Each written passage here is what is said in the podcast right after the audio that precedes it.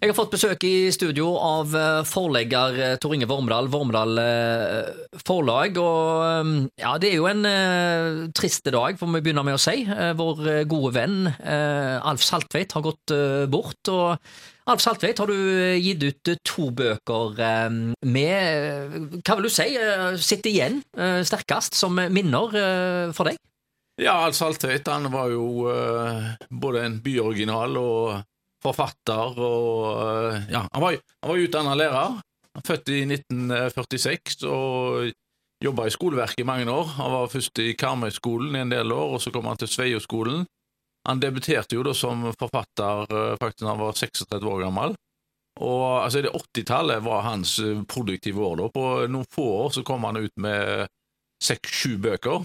Han drev både med skrev egne dikt, han òg uh, gjendikta en del uh, utenlandske kjente forfattere og sånt, og så han hadde jo en produktiv uh, periode da. og Debutboka hans den fikk jo gode ord av eksempel Colin Falkøy.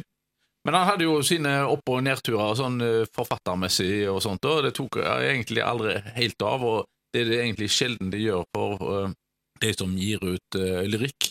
Eh, det er vanskelig å nå fram eh, i Norge med eh, lyrikk, da. Men for noen år siden så kom han òg til Vormedal forlag og ville gi ut eh, bok. Det var i forbindelse med han ble 70 år. Og da kom det ut ei bok som heter Tidløse år. Og i, for å si det sånn, typisk Alf Saltveit-ånd, så kom han jo med disse diktene da, eh, på han hadde, eh, det var delvis Håndskrevne? Ja, Ja. litt håndskrevne, og så var det noe maskinskrevet da. Er på, Men- på men- skrivemaskin? Ja, på det var ikke noe skrivemaskin. ja. Nei, nei, nei. Så det var bare om vi kunne gi ut dette, og så fikk du en pose med papir, og, og, og måtte da sitte Vi måtte så skrive det inn uh, sjøl og sånt, og, og eh, ja. Så det, Så det ble litt jobb? Det var jobb med det, da.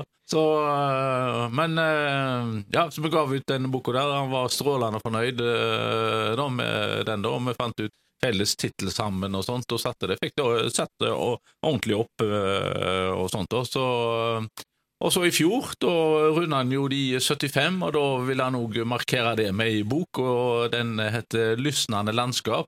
Det er da òg lyrikk, men det er òg faktisk en del sånn eh, Altså, Han eh, visste jo en del om stedsnavn og sånt i Haugesund. Ja. Så, så der er all, all hans kunnskap om det samla. Så ja, det er veldig Det- interessant, faktisk. Ja. Eh, det var mye der jeg ikke visste. ja.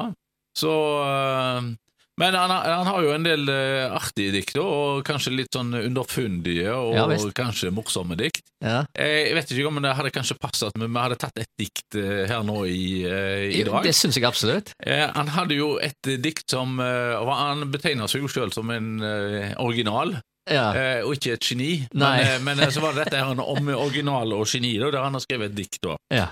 Originalen var den første, etter han kom geniet. Jeg var knapt blitt voksen da noen sa jeg var et geni.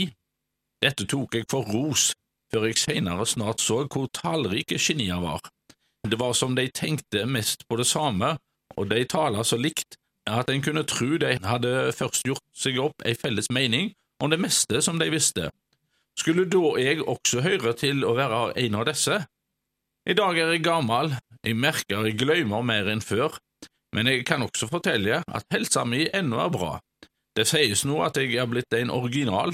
Til og med avisa mi har skrevet dette. Det sto også at jeg er en av de siste.